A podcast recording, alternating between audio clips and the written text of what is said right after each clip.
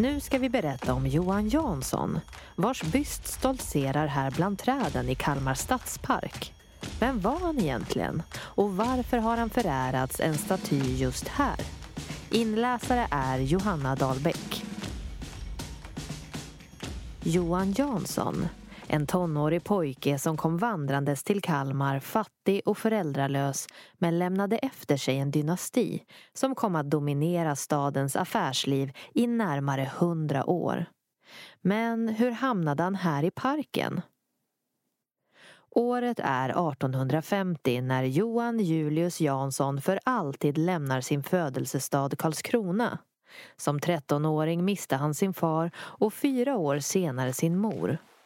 Enligt vissa vandrar han till fots, de nio milen till Kalmar. Enligt andra anländer han hit med ångfartyg. Vad som dock står helt säkert är att han har ett arbete som väntar i den nya stan. Som bodbetjänt i en av farbrodern Theodors affärer. Och det dröjer inte många år innan Johan själv kan öppna en egen firma där han exporterar spannmål till Norge och England. Han träffar också den vackra Emily Sophie Parrow, eller Emma som hon kommer att kallas. Och på Johans 28-årsdag gifter de sig. Parallellt med att Johan bygger upp sin affärsverksamhet som grosshandlare med ångbåtsbolag, ångkvarn och järnväg bygger de tillsammans också upp sin familj, får sitt första barn. Sitt andra, tredje, fjärde, ja hela tretton barn hinner makarna Jansson få under äktenskapet. Det kan alltså inte bara vara Johan som har fullt upp om dagarna. Barnaskaran blir till slut så stor att de måste lämna sitt hem, dagens slottshotell mittemot Stadsparken, för det rymligare huset Lilla Hovet på Larmtorget, som Johan köper 1875.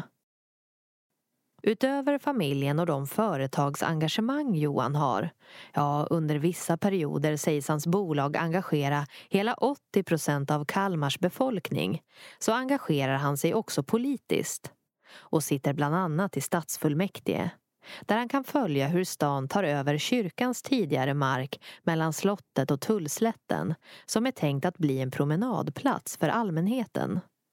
Kalmar stad har alltså mark för en park men samtidigt så många andra byggplaner på både folkskola och sjukhus att just genomförandet av en park finns det ingen budget kvar till.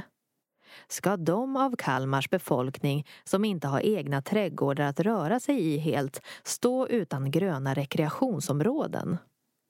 Då väljer Johan att skänka sin årslön från Kalmar spritförsäljningsbolag till att ställa i ordning parken. Men det visar sig snart att inte ens den summan räcker till för att få en färdig park.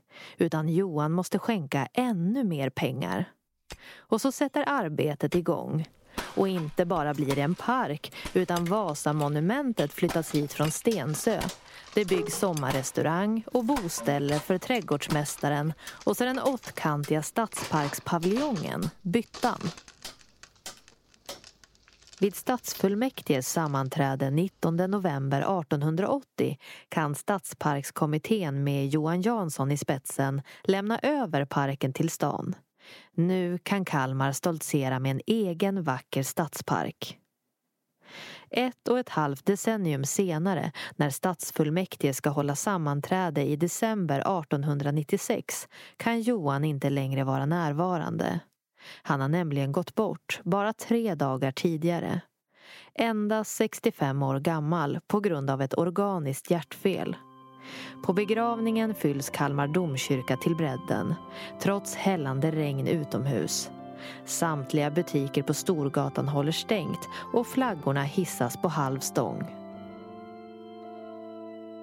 Samtidigt, i en annan del av stan, bjuds 500 personer på mat i Godtemplarlokalen och stadens fattiga får njuta av en extra god middag den kvällen. Allt på Johan Janssons dödsbos bekostnad. Han använde nämligen sin enorma förmögenhet inte bara till att försörja den egna stora familjen, se till att Kalmar fick en stadspark, utan också till att bekosta utspisningen av flera hundra fattiga i Godtemplarlokalen två gånger om året.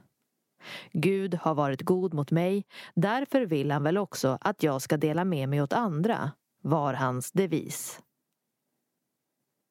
Emma överlevde sin drivna make med hela 30 år och bodde kvar i deras bostad Lilla Hovet vid Larmtorget. Större delen av livet ägnade hon åt barn, familj och välgörenhet.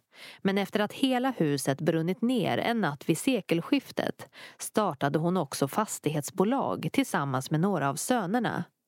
Fastighets AB EOS, där EOS stod för Emma och söner.